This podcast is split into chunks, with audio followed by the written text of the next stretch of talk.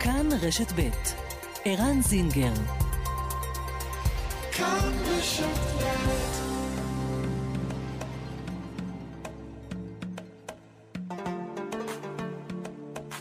מרחבת, מגזין לעניינים ערביים בארץ ובעולם, עם ערן זינגר. مرحبت مجلة تتناول شؤون العرب في البلاد والعالم مع عيران زنجر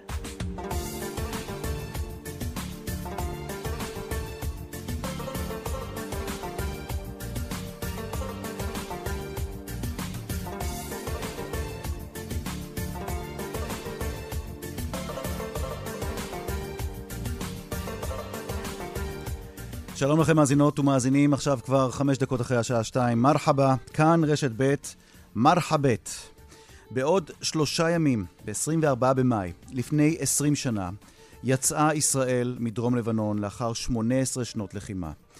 נוסף על חיילי צה"ל וקציניו, נטשו את המוצבים ונעו דרומה אל שטח ישראל גם אנשי צבא דרום לבנון, צד"ל, שלחם לצד צה"ל במשך שנים. רבים מהם ובני משפחותיהם עזבו בחלוף השנים את הארץ, אחרים בחרו להישאר, הקימו משפחות וקשרו את גורלם עם המדינה, גם אחרי שצד"ל סיים את תפקידו ההיסטורי. מיד במרחבת, משדר מיוחד על אנשי צבא דרום לבנון החיים בישראל עד היום. על המצוקות שלהם והקריאה שלהם לשר הביטחון גנץ לתקן את העוול שנגרם להם לדבריהם, על תחושת הניכור מצד החברה היהודית בישראל, על החברה הערבית שראתה בהם בוגדים, ועל הגעגועים לבית בלבנון. מרחבת, העורכת שושנה פורמן, המפיקה איילת דוידי, טכנאי השידור יאיר ניומן, מיד מתחילים.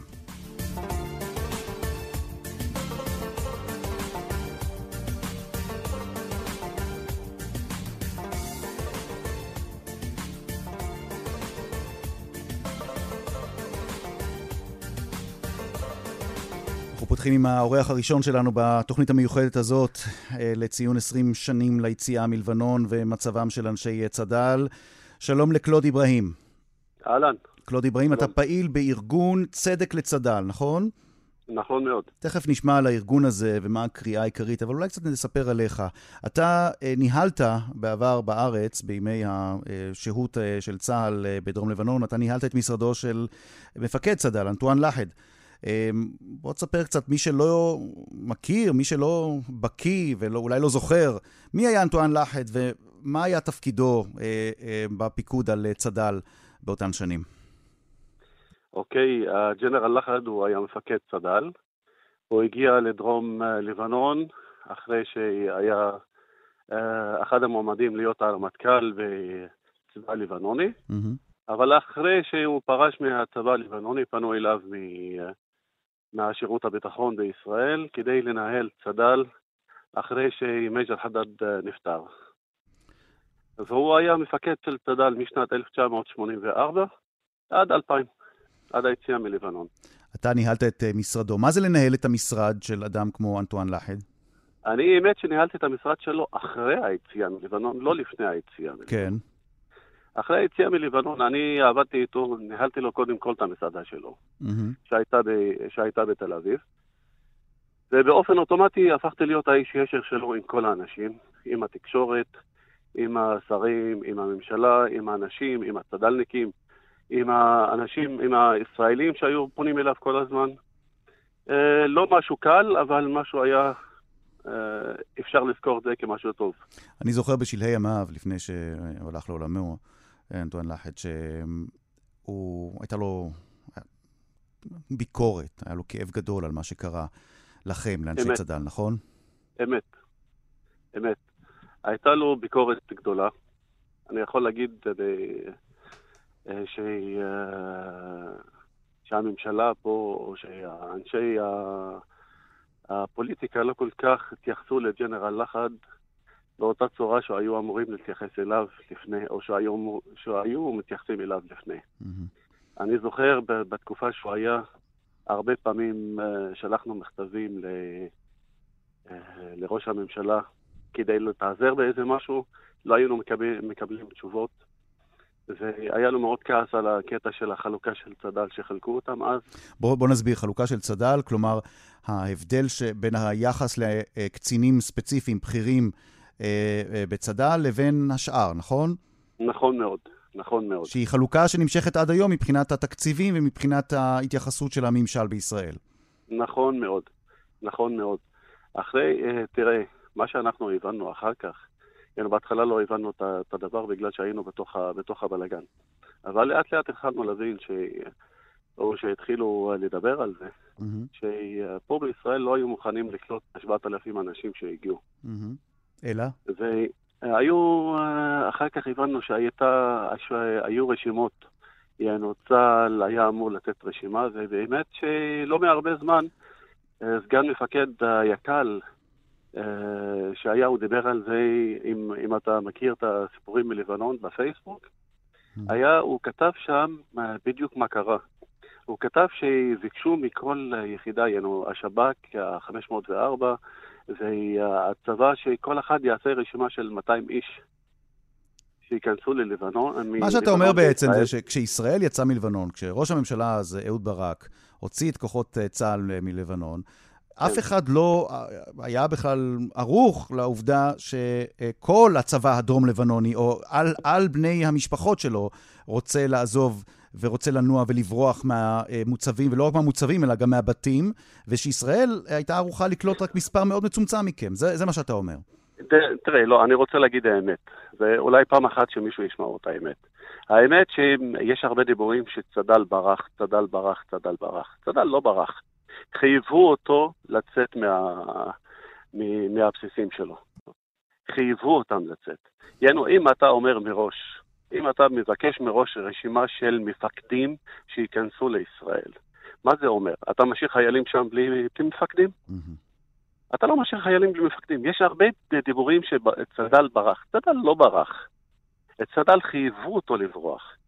והיו כל מיני, תשאל גם את הקצינים האחרים מהצה"ל שהיו, שהיו שם, הם יספרו לך האמת. הם נתנו פקודות שצד"ל יעזוב את המצבים שלו. צד"ל לא ברח. קלוד, אתה חי את זה עד היום, נכון? את התחושה הקשה הזאת. אני חי את זה עד היום. אני חי את זה, ואפילו עכשיו אני, אני מדבר איתך, אני בדרך כלל לא מתרגש כל כך. אבל עכשיו זו הפעם הראשונה שאני, שאני מרגיש כזה מתרגש. למה? בוא תסביר. למה? בגלל שזה, ובמיוחד עכשיו, זה מחזיר אותך לשם. וזה מחזיר אותך לשם, מחזיר אותך לימים האלה.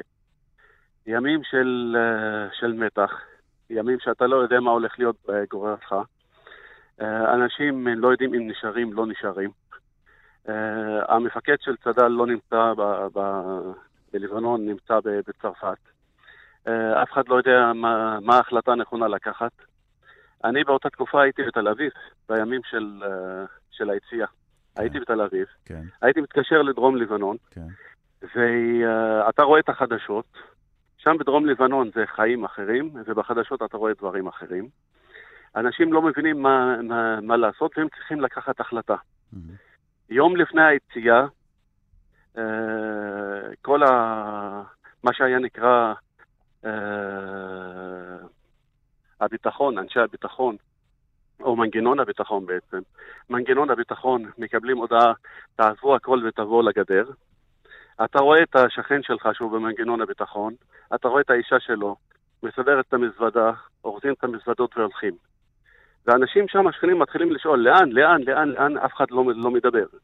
מגיעים לגבול, יום לפני הנסיגה, מחכים שם שעתיים-שלוש, זה לפני שהיה הבלאגן וכל השרשרת המוכרת ב, ב, בתקשורת, ואז מקבלים פקודה, תחזרו הביתה. ואז הם חוזרים הביתה. ואז שם מתחיל הבלאגן. מה פתאום, מה אלה הולכים, מה, משאירים, משאירים אותנו, משאירים את זה, ומתחיל הבלאגן. ולאנשים אין תשובות. אנשים אין, אתם שואלים ולאנשים אין תשובות ברורות, נכון? אין תשובות, אין תשובות לאף אחד. Mm-hmm. אני מתקשר מתל אביב אה, לחבר'ה שם בלבנון, מה קורה איתכם? אנחנו אה, רואים בטלוויזיה שהאזור המרכזי של אה, מנגנון הביטחון, טייבה וכל אלה, כמיות של אנשים שהם באים מחוץ לאזור הביטחון נכנסים לכפרים, חופשים את הכפרים ככה, בוא נגיד ככה, אפילו בלי נשק. הבסיסים של צד"ל מתפרקים שם, החיילים עוזבים, ונשארת רק כן, האזור של מרג'יון ומכפר קלע עד חסביה, והאזור מבין תשבל עד, אה, עד, אה, עד הטייבה. וקלוד, בעצם נוסף על התחושה הקשה שאתה, כמו שאנחנו שומעים עכשיו בשידור, שאתה חי אותה מחדש, למרות שעברו כן. 20 שנה מאז, יש דברים שעד היום, ב-2020, לא נפתרו, אה, וזה דברים שהם קשורים למציאות של 2020, נכון, ולא של שנת נכון, 2000, וזה נכון. בעיקר המציאות הכלכלית. בוא תסביר נכון, למי שלא נכון. מבין, מה, על, על מה אתם בעיקר מלינים? על מה אתם, מה, מה אתם מבקשים שיעשה אה, ספציפית שר הביטחון תראה. הנכנס, בני גנץ, מתוך ההיכרות שלכם איתו עוד, אה, עוד מאז, מימי לבנון? אני אסביר. אני אסביר. אחרי שנכנסנו, ואחרי שחלק גדול מהצד"לניקים חזרו ללבנון, ויש חלק, גדול, ויש חלק גם שיצא לחו"ל, uh, הייתה בעיה, מצאנו את עצמנו בבעיה חדשה. הם חילקו את האנשים לשתי קבוצות. קבוצות שמטופלת מתחת למנב"ס, שזה משרד ראש הממשלה, והקבוצה השנייה, שהיא השתי שליש כמעט מהקבוצה, היינו קבוצה של 250 וקבוצה של 400, 450, mm-hmm. מתחת למשרד של הקליטה, משרד הקליטה. משרד הקליטה טיפל באנשים האלה איזה שנתיים ועזב אותם, ומשרד אה, ראש הממשלה הוא בטיפול, אה, טיפל עם, האנשים עד אה, לפני שנתיים. בואו ננסה לדבר במספרים, בכסף. משפחה, כן, ש... משפחה שנחשבת משפחה מיוחסת על פי הגדרה שאתה מציע כאן, שאתה אומר כאן. כלומר, אלה שמערכת הביטחון הישראלית הייתה חפצה בעיקרם ועשתה הכל כדי שהם, שהם יגיעו לכאן ויינתן להם הכל. כמה כן. הם או מה הם מקבלים שהמשפחות של מי שאתם מכנים החפ"שים, החיילים הפשוטים, לא מקבלים? אני אגיד לך. קודם כל, הם קיבלו, uh, קנו להם דירות. קנו להם דירות, זה תלוי בדרגה שהיה. שגם הקבוצה הזאת, הם חילקו אותה לשלוש קבוצות. קבוצה שקראו לה דלח, קבוצה שקראו לה דלם, קבוצה שקראו לה דלר, יענו דרום לבנוני חריג, דרום לבנוני רגיל, דרום לבנוני מיוחד. בקיצור, אה, קנו להם בית, אה, קיבלו עזרה בלימודים, אה, האוניברסיטה של הילדים שלהם, קיבלו משכורת, לא משכורת, הם לא קראו לזה משכורת, קיבלו איזה משהו שנקרא העברה. כן. במשך 18 שנים, שאם אתה לא עובד אז, אז יש לך איזה הכנסה. וגם דאגו להם לעבודה, דאגו לילדים, היו מוצאים את הילדים שלהם טיולים פעם בשנה או פעמיים בשנה, אה, דאגו לנשים ש... שיסדרו עבודה לנשים. מה שאתה לא רוצה, רק תחשוב. טיפלו בהם כמו שצריך, בוא נגיד ככה, נגדיר ככה, אפילו לפי דעתי, יש דברים שהיו אמורים לסדר אותם יותר. בגלל ש... שההבטחה הייתה שהם מגיעים לכאן, הם איבדו הכל, החבר'ה איבדו הכל. הם איבדו בית, הם איבדו uh, כבוד, הם איבדו משפחה, הם איבדו, הם, uh, איבדו uh, גאווה, הם איבדו הכל. משרד ראש הממשלה טיפל בהם כמו שצריך, והיה להם אפילו פסיכולוג ש... או ש... אוקיי, okay, המסר, המסר, אני מבין ממך שהם באמת קיבלו הכל. ומה קיבלו אחרים? שום דבר. מה זה שום דבר? שום דבר. איך הם אני חיים? אני אגיד לך, בשלושה חודשים הראשונים, שישה חודשים הראשונים קיבלו מה שנקרא סל קליטה, שהם העבירו אותם כאילו עולים חדשים, אבל ללא זכיות. הם קיבלו סל קליטה לשישה חודשים, ואז אמרו להם, תלכו להסתדר. העבודה, אתה צריך למצוא לעצמך עבודה. Uh, החבר'ה, ואל תשכח, אנחנו מדברים על הקבוצה שהיא מבחינת גיל, היא מבוגרת, היא לא, לא קבוצה של, uh, של חבר'ה קטנים. יענו, היום, אם אנחנו מדברים היום על, על האנשים, אנחנו מדברים על uh, ממוצע גילאים בין 55 ל-60, או בין 60 ל-65. Mm-hmm. ואל תשכח, החבר'ה האלה, הם, אה, הם, לא, הם לא עבדו ב, בישראל, אז אין להם פנסיה. יש להם uh, מה שנקרא זקנה, דמי זקנה. הם מקבלים 1,200 או 2,000, 2,000 עד 2,000 שקל. Uh, זה. אין להם משכורת, הם איבדו בית, הם צריכים, וכדי להיות פרי, אה, הם כן מקבלים עזרה בשכר דירה. העזרה בשכר דירה זה מגיע בין לרווק מ-450 שקל עד 600 שקל, זה למישהו נשוי אלף שקל, אם יש לו עוד ילדים, אז אלף תשעים שקל. ומה אתם מצפים שיקרה עכשיו? מה אתה, מה אתה אישית... קלוד אברהים, נגיד שאתה פעיל בארגון צדק לצד"ל, אתם שלחתם מכתב לבני גנץ עם כניסתו למשרד הביטחון, אתם זוכרים אותו היטב עוד מימי לבנון, ואתם כותבים, אנחנו רוצים לברך אותך על כניסתך לתפקיד, מקווים כי לאחר 20 שנה תמצא זמן לטפל בסוגיית אנשי צבא דרום לבנון, שבה כשלו שרי ביטחון אחרים לפניך. מאחורי מכתב זה אתם כותבים, עומדת אוכלוסייה שלמה, אמ, ואנשי צבא דרום לבנון לשעבר, בני משפחותיהם, אזרחי ישראל, אשר הגיעו לקצה גבול יכולת הספיגה שלהם. כמי שהיה החייל האחרון שיצא מלבנון, ככה אתם פונים לבני גנץ, וסגר את השער מאחוריו, ודאי ראית במו עיניך את המצב שבו היינו על הגדר. אמרת לאחרונה כי חזרנו מהבוץ הלבנוני אל אדמת ארץ ישראל, אך בו בזמן אתם, ישראל, הכנסתם אותנו לבוץ שאיננו רואים ממנו מוצא כבר 20 שנה. קלוד, מה אתם דורשים שיקרה עכשיו, בקצרה? אני אסביר. אני אסביר. קודם כל, אה, מישהו שלח את המכתב, זה עמותת אה, אנשי צד"ל לשעבר, ש... אה, ולא צדק לצד"ל. צדק, העמותה הזאת היא חלק מצדק לצד"ל. אוקיי. Okay. צדק לצד"ל זה ארגון ש... שהוא הוקם מאנשים, מקצינים בכירים של צה"ל ששירתו בלבנון, ביחד עם, עם עמותת אנשי צד"ל לשעבר. אה, פלוס עוד אה, אנשים שהם אה, מכל מיני אזורים בארץ. הצדלניקים. עכשיו, מה שאנחנו דורשים זה דבר, זה, יש תוכנית בממשלה שהיא כבר בת 15 שנה. התוכנית הזאת, אז בנה אותה יוסי פלד, שהיה אחראי על, ה, על הטיפול של, של צד"ל, והאמת שלא עשה הרבה בזה, הוא רק בנה את התוכנית, אבל אחר כך בא אחריו מישהו ש... אה, שטיפל בתיק, אה, אדון מאוד מכובד, קוראים לו יגאל פרסלר, שהוא היועץ של ראש הממשלה, וראש הממשלה שם אותו אחראי על תיק הזה. ומה קורה הוא, עם זה? הוא עשה תוכנית לדיור. כדי לסדר דיור לכל אלה שלא קיבלו דיור, יעני כל החבר'ה שהיו על משרד הקליטה. ואיפה זה עומד היום, קלוד? אני מצטער שאני ככה אה, מזרז אותך, כי אני רוצה לדבר עם עוד אנשים מהחבר'ה של צבא טוב, אני אזרז את העניין. בוא תגיד, איפה זה עומד עכשיו? זה עומד, אנחנו, אנחנו צריכים, אה, הוא עשה את התוכנית הזאת, אנחנו רוצים משר הביטחון שיזרז את העניין. אנשים כבר ויתרו על כל מה שהיה, מה שאנחנו רוצים. אתה מאמין שבני גנץ, אתה מאמין שבני גנץ יוכל לתקן את זה? אני מאמין שאם בני גנץ רוצה, כן, הוא יכול. מה הוא עשה, הוא מה עשה בני גנץ בהיכרות שלכם אז איתו באותה תקופה לפני 20 שנה? הוא, הוא היה, הוא היה מפקד, המפקד היקל. היקל, נכון, היחידה, כן. יחידת הקישור ללבנון, נכון. הוא היה, הוא היה מפקד היקל, אבל לפני זה הוא גם עשה הרבה תפקידים בדרום לבנון, הוא מכיר את החבר'ה. כלומר, uh, אתם יוצאים מנקודת הנחה שהאיש הזה מכיר אתכם היטב, ולא סתם מדפי הלימוד, נכון, אלא מהעבודה בשטח. נכון, נכון, נכון. טוב, אנחנו, תראה, מאוד. אנחנו אה, עוד מעט במרוצת השעה הזאת, אנחנו נשמע עוד על המצוקות, ובעיקר על המאמצים ל- ליישב את המצוקות, את הבעיות שלכם, אנשי צבא דרום אה, לבנון אה, לשעבר. קלוד איברהים. הנה, רק משהו קטן. כן. הקבוצה השנייה, הקבוצה השנייה היא גם היום במאבק ביחד איתנו, כדי להציג דירות למי שלא קיבל, וגם ל- ל- ל- שיהיה גם משכורת פנסיה למישהו ש- שקיבל ו- ומגיע, מגיע לו. אז אנחנו כמובן אה, נתייחס גם לנקודה הזאת, כאשר אנחנו נמשיך ונטפל בזה גם במרוצת השעה הקרובה וגם אה, אה, בזמן הקרוב בכלל. תודה, תודה רבה לך, קלוד אברהים. בבקשה. גרציה חצבני, שלום לך. שלום וברכה. גרציה חצבני, מאיפה את היום בארץ? אני מקריית שמונה.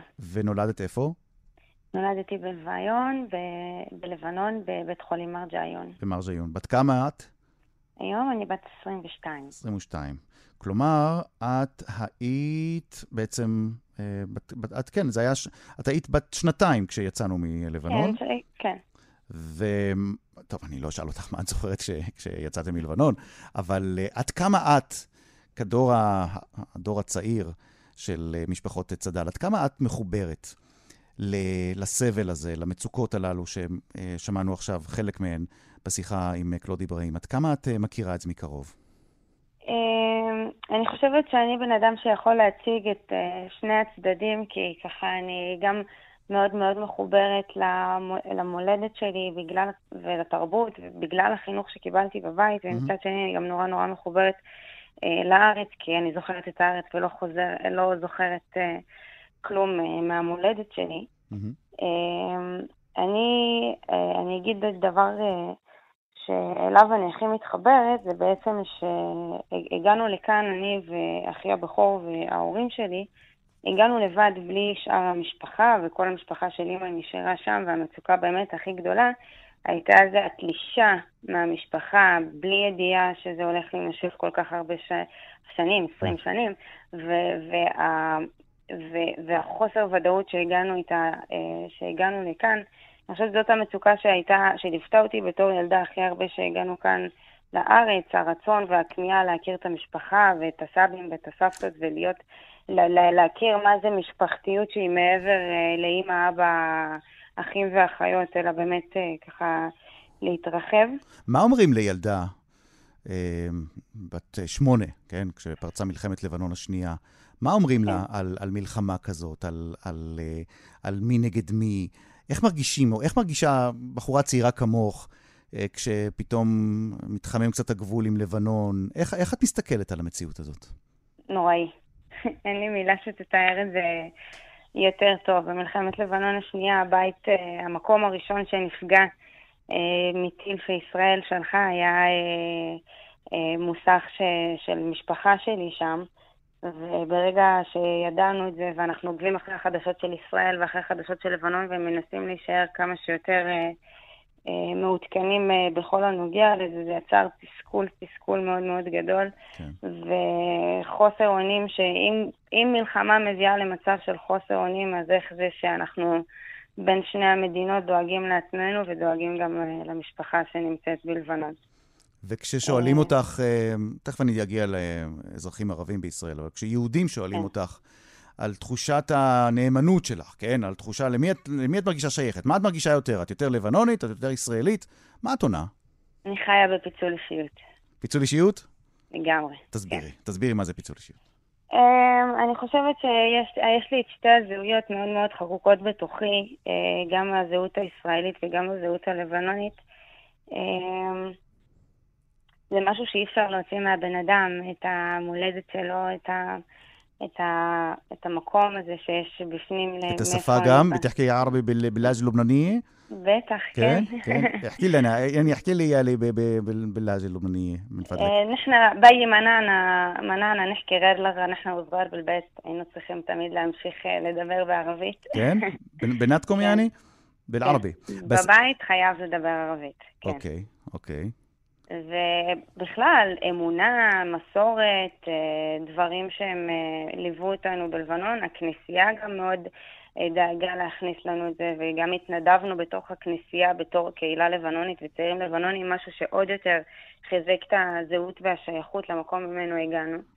והישראליות זה מהחיים שלנו פה בארץ, וכל הדברים שאנחנו עושים כאן בתור אזרחים. תגידי, והיחס, אני יודע שאז, כשאנשי צד"ל לשעבר אה, אה, עזבו את אה, את דרום לבנון ונכנסו לישראל, היחס מצד הציבור הערבי בארץ היה קשה מאוד, עוין מאוד נכון. אפילו לעיתים. ראו בכם אה, אה, בוגדים, בוגדים. נכון? בוגדים, עשו מהמם. לכם תחווין. אה, אבל אני מבין שהיום המצב קצת שונה, נכון?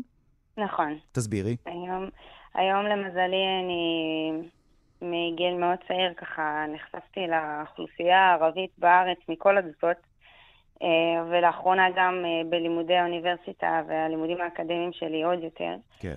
אה, ולשמחתי, לשמחתי, הצעירים מגלים גם יותר היכרות עם הלבנונים וגם מתוך אה, סדרות וכל אה, בטלוויזיה. כלומר, הדור, הדור הצעיר אה, צעיר. בקרב הערבים בישראל מסתכל עליכם אחרת מאשר ההורים שלו? נכון, נכון. איך את מסבירה את זה? אמ, קודם כל, אני חושבת זה שהם לא כל כך מכירים את הסיפור של צד"ל זה משהו שלא נותן להם גם לפתח איזושהי... למרבה הצער, גם רבים מהיהודים הצעירים לא מכירים את הסיפור נכון, של צעירים צד"ל. כן. ומבוגרים, תלוי על איזה אזור אתה מדבר. יש כן. גם הרבה אנשים אה, שהם מבוגרים שהם לא מכירים את הסיפור. אמ, ואת את, ו- אומרת, את, מרג- את אומרת שאת מרגישה בשינוי. תגידי, אמ, כן. לקראת אה, סיום, אני... כשמדברים על, על, על היחס אליכם היום ולמצוקות שלכם היום, מה הדבר הכי מיידי שאתם זקוקים לו, או בעיקר שהמשפחות אה, אה, שלא זכו לדבריהן ליחס ההולם מצד הממסד הישראלי, מה הדבר הכי אקוטי שנחוץ עכשיו לאותן משפחות? אני חושבת התחושת שוויון בין כל האוכלוסייה של כל הצד"לניקים. Mm-hmm. זה דבר שהכי נדרש, ו... והממשלה יכולה לספק את זה במה שהיא יכולה לתת. גרציה חצבני, דור שני כן. לאנשי uh, צד"ל. תודה, תודה רבה לך שהיית איתנו. תודה לכם. ונאחל uh, לכם שלפחות בעתיד הקרוב המצב הזה uh, ישתפר, ולפחות כאן, uh, ב-20 שנה אחרי, תרגישו טיפה יותר טוב. הרבה יותר מטיפה, יותר טוב שיהיה לכם. תודה, גרציה. תודה רבה, תודה. מיד אה, נעבור אל הפרסומות. אחרי הפרסומות אה, ננסה לברר מה אה, אפשר לעשות מבחינת המצוקות האלה, איך אה, מבחינה משפטית אה, מייצגים ומסייעים לאותן אה, משפחות, וגם אה, נשאל על אה, דברים שהלבנונים לקחו איתם לכאן, בין השאר דבר שאנחנו מאוד אוהבים כאן במרחבת, אוכל. המזון הלבנוני, המטבח הלבנוני ועוד דברים מעניינים. כאן רשת ב'.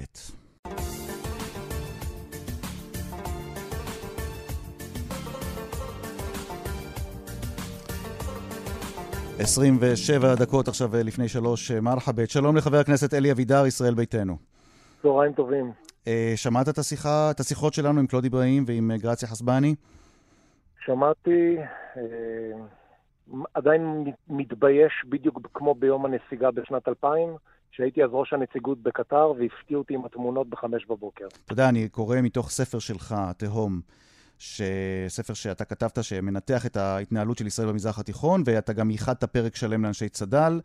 אה, נזכיר אגב, מבחינת העבר הצבאי שלך, היית קצין מודיעין ביחידת 504, ואתה כתבת ב-2 במרס 2012, תראה כמה שנים חלפו מאז, ראש הממשלה היה אז כן. בנימין נתניהו, שר הביטחון היה אהוד ברק, ואתה כותב, למרות ברית הדמים שכרתו עימה, מדינת ישראל לא השיבה לאנשי צד"ל כגמולם. בעוד קציני צד"ל זכו לסיוע של משרד הביטחון על הטיפול בח... בחיילים, הופקד משרד הקליטה.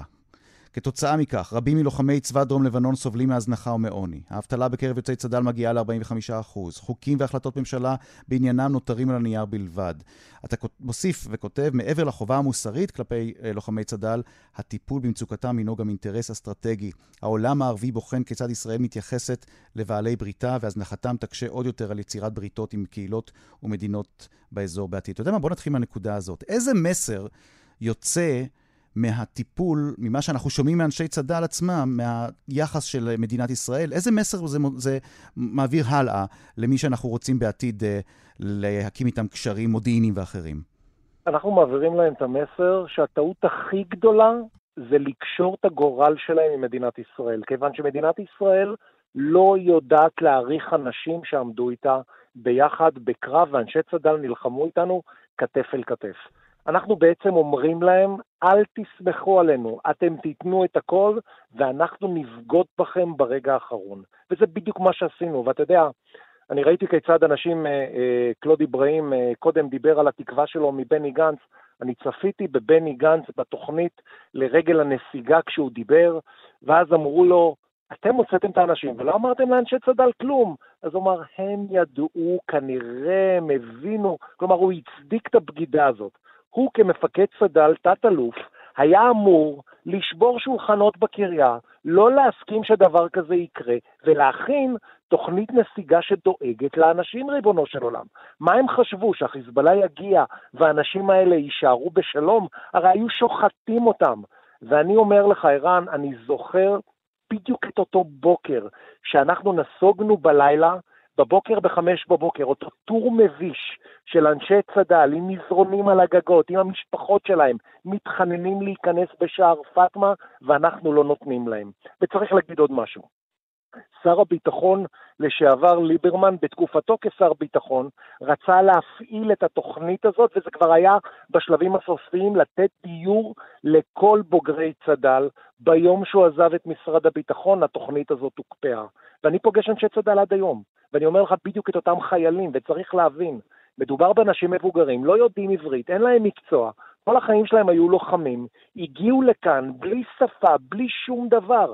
אתה יודע, אין שבוע שלא עובר שאני לא מקבל טלפון מחבר, קצין לשעבר ביחידה או בשירות או בצבא שאומר, יש את הבחור הזה והזה, זרקו אותו עכשיו מהבית כי אין לו כסף לשלם, ניתקו לו את החשמל, ניתקו לו את המים, ואנחנו פשוט כהי חושים, חסרי תרבות מינימלית של נאמנות. תגיד, אז מה עושים? לא אתה יודע, עושים אתה. אני, אני פונה אליך כי אתה, גם בגלל החברות שלך בוועדת חוץ וביטחון, אני מחכה, תאמין לי שאני מחכה שתקום ממשלה, ועכשיו שקמה ממשלה, לא נניח לשר הביטחון שקורא לעצמו ראש ממשלת אה, חילופים, אוקיי? אנחנו לא נניח לו עד שהוא יפתור את הבעיה הזאת. הוא האיש שדאג להביא את הצלמים של דובר צה"ל, לצלם אותו סוגר את השער. הוא רצה להיכנס להיסטוריה כמי שסוגר את השער. הוא צריך לטפל בעוול ההיסטורי הזה. האנשים האלה לא זכאים לרמת הביזוי, ואתה דיברת קודם עם הגברת הצעירה, הגברת חצבני. גרציה, כן. תקשיב, ליבי יוצא אליה. יש להם דור שני מדהים, שגדל עם הורים מיואשים, מדוכאים, ואני רואה את הדור הצעיר, יש חלק גדול מהם שמצליח, ברוך השם, ושהם לומדים, ושהם עובדים, וכל הכבוד להם. אבל אנחנו לא נצא מהבושה הזאת אם לא נפתור את הבעיה. אתה יודע מה, אני, אני. בכוונה, אני בכוונה חוזר לעבר המודיעיני שלך. אתה איש 504, אתה גייסת סוכנים לשירות המודיעין של ישראל. אתה... אני אסביר לך מה זה אומר, ערן. אתה, אתה מזרחן כמוני, העולם הערבי בנוי על אה, פאזה תרבותית של מעגלי נאמנות. טבע את מעגלי הנאמנות האלה נאסר, שאמר בן אדם נאמן למשפחה שלו, לשבט שלו, למדינה שלו, ויש כאלה שאומרים גם לדת שלו. כאשר בן אדם בא ומשתף איתנו פעולה, ואנשי צד"ל הם לא בוגדים, ריבונו של עולם.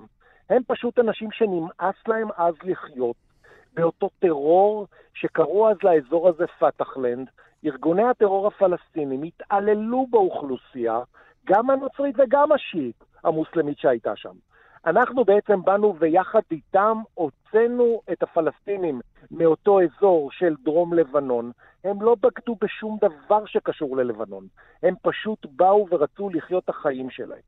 עכשיו, כשאתה בא ואתה מדבר עם משפחה כזאת, עם בן אדם כזה שבא ומסייע לך ויוצר איתך את השותפות הזאת, הוא בעצם מכניס אותך למעגל נאמנות יותר קרוב. אפילו יותר מהמשפחה אתה שלו. מקבל את הטענה שבשנת 2000, במאי 2000, כלומר לפני 20 שנה בדיוק, אהוד ברק וכל המערכת הביטחונית של ישראל לא ידעו לומר כמה אנשים מצד"ל ירצו לחצות את הגבול ולהיכנס לישראל? אתה מקבל את הטענה הזאת? אני מקבל את הטענה שהם אה, לא יכלו, לה... אהוד ברק בוודאי שלא יכל להעריך, הוא ראש ממשלה, הוא קיבל החלטה, הוא נתן פקודה לכמת, הוא לא צריך עכשיו להתחיל להתעסק בפרופילים פסיכולוגיים של אנשים. מהמם. הדבר, המטרה של האנשים, שהייתה המטרה של האנשים בשטח.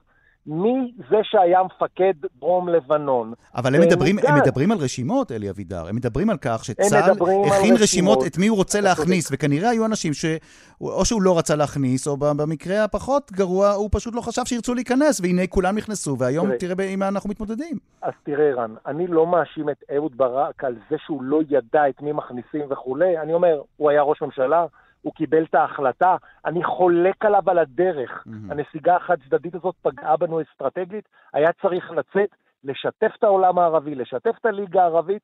אנחנו, היה חשוב לו לקיים הבטחת בחירות, הוא הודיע לחיזבאללה מתי הוא יוצא, הוא הודיע לאו"ם מתי הוא יוצא, אז, אז למה שיגיעו אותך להסכם כשאתה בורח? אז, אז בדבר הזה אני לא מנקה אותו מהאחריות.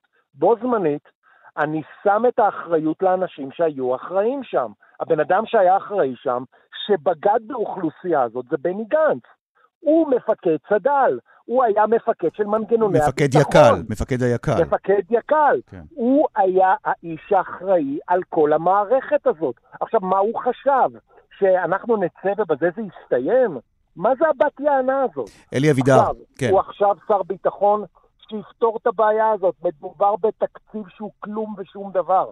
מדינת ישראל מסוגלת לעמוד בזה, כל עוד שזה תלוי בי ואני אמשיך להיות בוועדה המתאימה, אני לא אוותר שזה יימשך ככה. ואנחנו, אה, בעזרתך, נמשיך ונעקוב אחרי מה אה, משרד הביטחון ואחרים עושים כדי אה, לשפר את התנאים של מי שחיים כאן כבר 20 שנה, בדיוק החודש 20 שנה.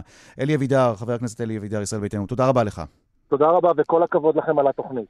תודה, אלי. אה, שלום לעורך דין רונן לפיד. שלום וברכה. אתה מייצג את המשפחות אה, של צד"ל, צד"ל לשעבר, מול אה, משרד הביטחון וגם מול הביטוח הלאומי. מה הם ה... נקרא לזה המצוקות, מה הם הבעיות העיקריות שאתה נתקל בהן, שאתם, שהאנשים האלה אה, מתמודדים איתם ביום-יום? הדבר הראשון מדובר על נזק ראייתי מאוד משמעותי שנגרם להם. אחד, מדובר על הליכים שהסתיימו ברוב המקרים לפני 20 שנה. וגם ההליכים האלה קרו בבתי חולים, אה, או טיפולים או אירועים שקרו בלבנון, שתיעוד רב לא נשאר משם, בטח לא מבתי החולים שהיו אה, בשליטת צד"ל. אה, כשהם הגיעו כאן לארץ לקח ארבע שנים עד שחוקקו את חוק צד"ל, והכירו בהם כנכי צה"ל. אה, ומאז ועד היום רבים מהם עדיין אה, לא מוכרים, לא מוכרים על פגימות ועל בעיות ועל נכויות שהם אה, סבלו מהם בעת קרבות או בעת פציעתם. איפה טמונה הבעיה? כלומר, הם, הם נדרשים להביא אסמכתאות, מסמכים, מאיפה? מבתי חולים בדרום לבנון? מה, מה, מה מבקשים מהם? קודם כל מדברים איתם על שיעור ניכר. אנשים שנמצאים בפוסט-טראומה בוודאי שיש שיעור ניכר. דבר שני, מבקשים מהם מסמך של קצין ישראלי. אה, שהיה איתם אה, בשירות, וגם זה לא פשוט. וגם לאחר מכן, אם במקרה הם הגישו גם תביעה לביטוח לאומי, כי במשרד הביטחון ההליכים מתמשכים עד אינסוף, הרי שמשרד הביטחון אה, אה, בא ואומר, אתם בחרתם בזכויות. למשל, יש לי לקוח שבשנת 2012 הגיש אה, את הבקשה שלו, בשנת 2016 הוא הוכר על ידי ביטוח לאומי. עד היום אה, אה, לא, משרד הביטחון, קצין התגמולים, לא נתן לו לא תשובה חיובית ולא תשובה שלילית. לאחר שהגשנו בקשה לסעד הצהרתי שיגיד כן או יגיד לא, הם הזדרזו להגיד לא, והלא אה, אה, גרם לנו לזה שאנחנו נמצאים עוד פעם במשרד, בבית משפט כדי אה, להכיר, כי הוא לא בחר בזכויות. הוא בעצם נגרר לתוך התהליך מעצם הסחבות שיש בקצין התגמולים, בהכרה באנשים האלו. אני יכול לתת תיאור של מישהו אחר שנפגע פציעה קרבית, יש לו צלקת ענקית על הגב, הם מקבלים את הפגימה, אבל לא מכירים בצלקת, ואז אחרי 20 שנה אתה אומר להם, חבר'ה, אתם שכחתם את הצלקת. אז הם אומרים, אה, כן, ומוסיפים את הצלקת, אבל לא רטרואקטיבי, אלא נכון ל, אה, להיום. זאת אומרת, האחוזים של הצלקת, הם מקבלים אותם מהיום mm-hmm. שהוגשה התביעה ולא רטרו. כאשר הוועדה ראתה כל הזמן אל מול עיניה את הצלקת. היא הבחינה, היא, היא כתבה אותה. אז לא, אני, אני חייב, אני חייב, הדוגמאות האלה מזעזעות. אני חייב לשאול אותך, מעבר להתייחסות הנקודתית לכל מקרה ומקרה, האם אתה, עורך דין רונן לפיד, כמי שמייצג את המשפחות אה, של צד"ל מול משרד הביטחון ומול הביטוח הלאומי, האם אתה מרגיש שהתשובה, או התשובות שהמדינה נותנת לאותם אנשים, הן תשובות שהוכתבו מלמעלה? כלומר, יש בקרב אנשי צד"ל קבוצה שאנחנו ניתן לה כל מה שהיא זקוקה לו, ויש אחרים שלא יקבלו את אותן תשובות. האם זה דבר ש, שאפשר אה, לומר עליו שהוא נכון? אני לא יכול להגיד את זה על, אה, על אה, קצין התגמולים באופן ודאי. אני יכול להגיד לך רק שכל מי שהיה מקורב, או שהיה קצין, או שהיה בכיר, הוא כבר מזמן קיבל את הזכויות שלו. Mm-hmm.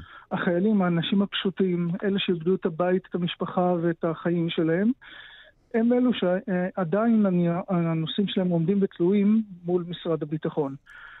כלומר, אה, כלומר, אם תינתן, ופה אנחנו חוזרים לשיחות קודמות שקיימנו כאן בשעה הזאת, אם תינתן הנחיה או הוראה מטעם אה, שר הביטחון, במקרה הספציפי הזה גנץ, לשנות את היחס, זה דברים שמשרד הביטחון כבר... כלומר, הוא לא יצטרך לעשות הרבה חוץ מללחוץ על איזה כפתור, כי הוא כבר מכיר את המקרים האלה כל כך הרבה שנים, נכון? בוודאי, בוודאי. בוודאי. Mm. אה, אני מאחל אה, באמת למשפחות ש...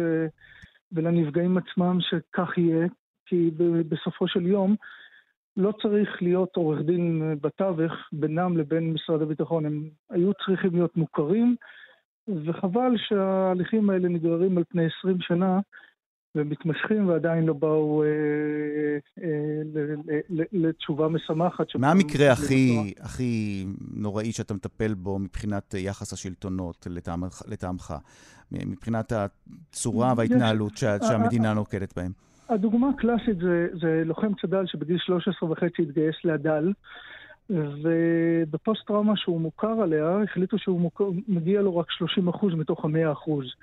זאת אומרת, 70% הם אומרים שזה מצב קודם שלו. מצב קודם של ילד בן 13 וחצי לא יכול להיות. פוסט-טראומה בוודאי שלא. ולכן הם גוררים את המסכן, את הפגוע, את הנכה, עוד פעם, לבית משפט ולהוצאות כבדות, לחוות דעת, חוות דעת אה, רפואיות, משפטיות, הן חוות דעת שעולות עשרות אלפי שקלים, ולהוצאות מיותרות. בסך הכל אין שום סיבה להגיד לי שילד בן אה, אה, 13 וחצי שגויס לאדן, היה לו 70 אחוז פוסט-טראומה קודם לכן. זה בוודאי לא נכון. בוא תסביר מי שאגב לא מכיר מה זה הדל, אלא מקרב המאזינים שלנו. אזור דרום לבנון, אה, עוד לפני צד"ל קראו למקום הזה אזור דרום לבנון, ו... ואני מניח שהאנשים שדיברו קודם מכירים את זה טוב ממני. כן, הם מכירים. העניין הוא שזו בדיוק הסוגיה. כמה, כמה מאיתנו עוד אה, זוכרים מה היה לפני 20 שנה, ועד כמה אה, המדינה אה, עוד מתעסקת ורוצה לתקן אה, עוולות שנגרמו לפני 20 שנה, ובדיוק בנושא הזה אנחנו עוסקים כאן היום. העורך דין אה, רונן לפיד מייצג משפחות צד"ל מול משרד הביטחון ומול אני- הביטוח הלאומי. אני מאוד מודה לך, ואני מאחל לכול, לכל אנשי צד"ל שישתלבו ושיהיה להם שקט ושלווה בחייהם איתנו. אנחנו אה, מקווים כולנו. תודה רבה לך. ביי ביי. שלום לפרח רסלן. שלום ערן, פרח, כיפק. טוב, מי שלא ראה אתמול, במקרה, זה, זה לא היה אצלנו, זה היה אצל המתחרים, אבל במקרה הזה אני מרשה לצפות בערוץ 12, כתבה של גיא ורון, כתבה על אנשי צד"ל, ושם את אה, אה, נראית שם על הגבול, כשמראים לך את התמונות, איך זה נראה לפני 20 שנה, כשאתם אה, ניסיתם לחצות את הגבול, וממש אה, מצאתם את עצמכם בתווך שבין הבטונדות לבין אה, גדר התיל. ואיך זה נראה אז ואיך זה נראה אה, היום. ואחרי כל מה שהבאנו כאן בשיחה, בשיחות הללו בשעה האחרונה, אה, פרח רסלן, אה, איפה את ממקמת את עצמך אה, כיום, מבחינת אה, איך שאת מרגישה שהמדינה מתייחסת אליכם, אנשי צד"ל? האמת שלנו יש סיפור אחר מאנשי צד"ל שהגיעו בשנת 2000 בנסיגה, למרות שאנחנו היינו מתוכננים לבוא ופתאום אה, זה נעצר ובשלב מסוים לא חצינו את הגבול, וחצינו את זה אחרי שש או שש שנים בערך, שנת 2006, בסוף מלחמת לבנון השנייה. אז הטיפול של הצד"לניקים אה, היה טיפול אחר. אה, לטיפול שלנו, לקליטה שלנו, אנחנו כמשפחה שחצינו את הגבול ב-2006. אז זה היה ב-2006. ואיך אתם אה, מסתכלים, איך את מסתכלת על, בכל זאת, על, על, מה ש, על הצורה של, אה, של היחס כלפי צד"לניקים? האמת שאני קצת מקרה חריג, כאילו, מה, מהשאר, אנחנו משפחה לנכי צע, כאילו צד"ל, צד"ל, נכי צד"ל. Uh, ולא מגיע לו כל מיני זכויות מהמדינה והוא קיבל, uh, זה, זה קטגוריה אחרת מכל האנשי צד"ל האחרים, כי רובם, uh, הם חילקו אותם לקליטה, חילקו אותם ליותר בכירים, לא, לא יודעת בדיוק איך. החלוקה שלהם הייתה, ושם באמת היה, היו אפליות, היו פה, כאילו, אנשים יותר סבלו מהעניין. זה, זה בגדול. טוב, עכשיו אני רוצה קצת לדבר על, על הגעגועים לדברים שיש רק בלבנון. כן. ריחות, טעם שיש רק במטבח הלבנוני. את עוסקת באוכל, נגיד, את... נכון. מי שלא זוכר אותך ממאסטר שף, נכון? נכון. אם את צריכה להצביע על דבר שאת מתגעגעת שיש רק במטבח הלבנוני, או שאפשר להשיג רק בלבנון, בשוק בלבנון, על מה היית מצביעה? כנאפה. כנאפה? זה אני עוד צריכה לחשוב פעמיים. הכנאפה בלבנוני יש לה טעם אחר. מה ההבדל? מה ההבדל? ההבדל הוא, המהות של הכנאפה זה הגבינה. זה, זה עצם הגבינה שלה היא מאוד מאוד מיוחדת, והיא מאוד uh, משפיעה כאילו על הטעם ומשפיעה על uh, איך אמורה כנאפה להיראות. למרות שאני פתחתי דוכן כנאפה כאן סעוד אומר, אז רציתי להעתיק את המקומות מלבנון עם הכנאפה בתוך בייגל. גם זומנת הכניסה שלי הייתה בתוכנית מאסטר שף. הקמתי את המיזם של כנאפה קאג באגמון מרקט, זה היה לפני המשבר של הקורונה, חודשיים, שלושה חודשים לפני, ואז זה קרה המשבר. אז לכן ניסינו להעתיק את הדברים איך שהם, להביא אותם מלבנון לכאן. הקושי הגדול היה ב- ב- בלהעביר או להביא אה, את סוג הגבינה המיוחד, שמכינים אותו בכנפיה הלבנוני, אה, שאי אפשר להשיג אותו כמובן בארץ, כי יש לו אה, דרך טיפול או הכנה אחרת. אי אפשר. תסלחי, תסלחי לי על השאלה, אי אפשר להבריח את הגבינה הספציפית הזאת דרך הגבול? אפשר להבריח, השאלה כמה זה יעלה לך וכמה זה יעלה לך... אני לא נותן פה רעיונות, לא, לא, חס וחלילה. אה, אנחנו הברחנו, רק שתדע לך. אה, באמת? אוקיי. נו, לא, לא ספרי לי, זה- מתחיל לעניין, נו. לא ככה, אבל אה, במפגש האחרון שלנו שהיה בטורקיה עם האחיות שלי, זה היה לפני שנה בדיוק, וביקשנו מהאחיות שלי, מאחותי, שתביא לנו לטורקיה גבינה לבנונית. אז קפואה, והקפאנו את זה בטורקיה, והחזרנו את זה, הבאנו את זה כפול לישראל, כאילו, אה, אבל זה לשימוש ביתי, לא לתעשייה או משהו אחר. נהדר. אז לפחות הטעם חזר. ואת יודעת, אני... אני... עוד פעם, אני, ההבנה שלי בתחום של המ- המטבח הלבנוני היא אפסית, אבל uh, כשאת uh, רוצה לבשל uh, מאכל שאת זוכרת עוד מהבית, איפה את קונה את התבלינים שהכי דומים למה שהיה לך אז שם בלבנון, או שפשוט אין, אין דבר כזה? הכי דומים, הכי דומים, אין משהו דומה, זה יותר באמת אה, הכנה ביתית. אנחנו מכין, אני כמעט ואימא מכינים כמעט הכל, מרמת חומרי הגלם ממש אה, בעבודת יד. אה, וגם גם אפילו חושבת על להכניס לדוכן מוצרי, אה, מוצרים לבנונים, כאילו שזה ה, למשל תבלין הקובה, כי אי אפשר למצוא אותו בארץ, זה מאוד אה, מיוחד. אז זה, וגם דוד שלי בלבנון היה מייצר אותם, היה לו מפעל של תבלינים, יש לי את המתכון, אני יודעת איך מכינים. ומאוד כאילו שקלתי להכניס את החומרי גלם האיכותיים לאתר שלי וגם, וגם למכור אותם בחנות. תגידי, ומעבר למטבח ומעבר לטעמים, מה הכי חסר לך מלבנון?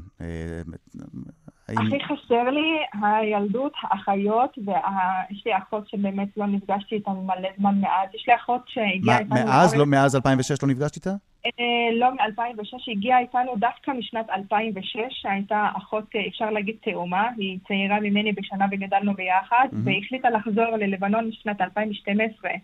אז אנחנו כבר שמונה שנים לא נפגשנו. תגידי, אה, אני, חייב לשאול את זה, כי יש, אנחנו יודעים שרבים מאנשי צד"ל חזרו ללבנון.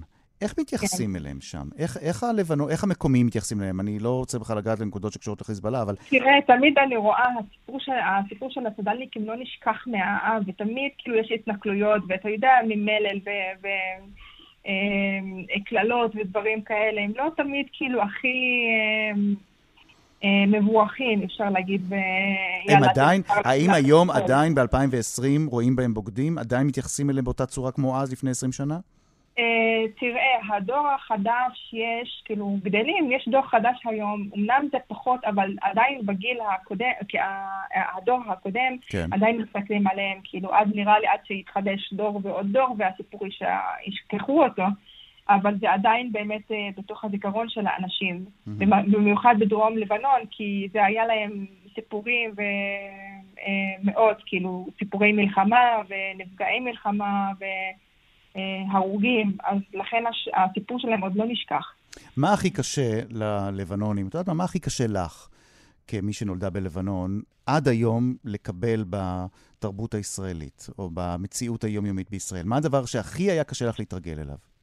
אה, היה הכי קשה, האמת שזה עם הזמן זה נעלם ואתה הופך, אתה כאילו יותר נכנס לחברה הישראלית ופחות כאילו אתה נהיה, אה, ובהתחלה היה מאוד מאוד מאוד קשה אה, להיות בחברה, כי אנחנו באנו ממסורת והכל, כאילו הכל דברים שונים ואוכל ותרבות, דברים אחרים לגמרי, אבל עם הזמן אתה נהיה יותר כאילו בתוך הרגל.